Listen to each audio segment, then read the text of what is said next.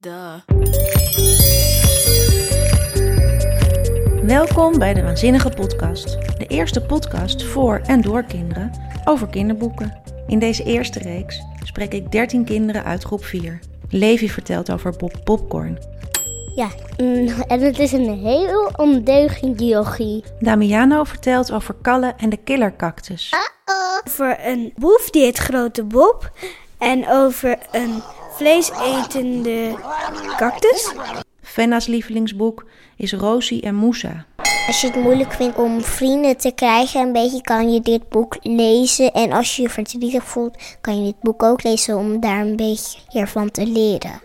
En Felix vertelt over Julius Zebra. Wat is leuk aan het leger dan? Het is gewoon best stoer en dat je de hele tijd een wapen vasthoudt en zo. En dat je een leuke helm op hebt. Vanaf vrijdag 24 januari delen we hier elke twee weken de beste boekentips van kinderen zoals jij.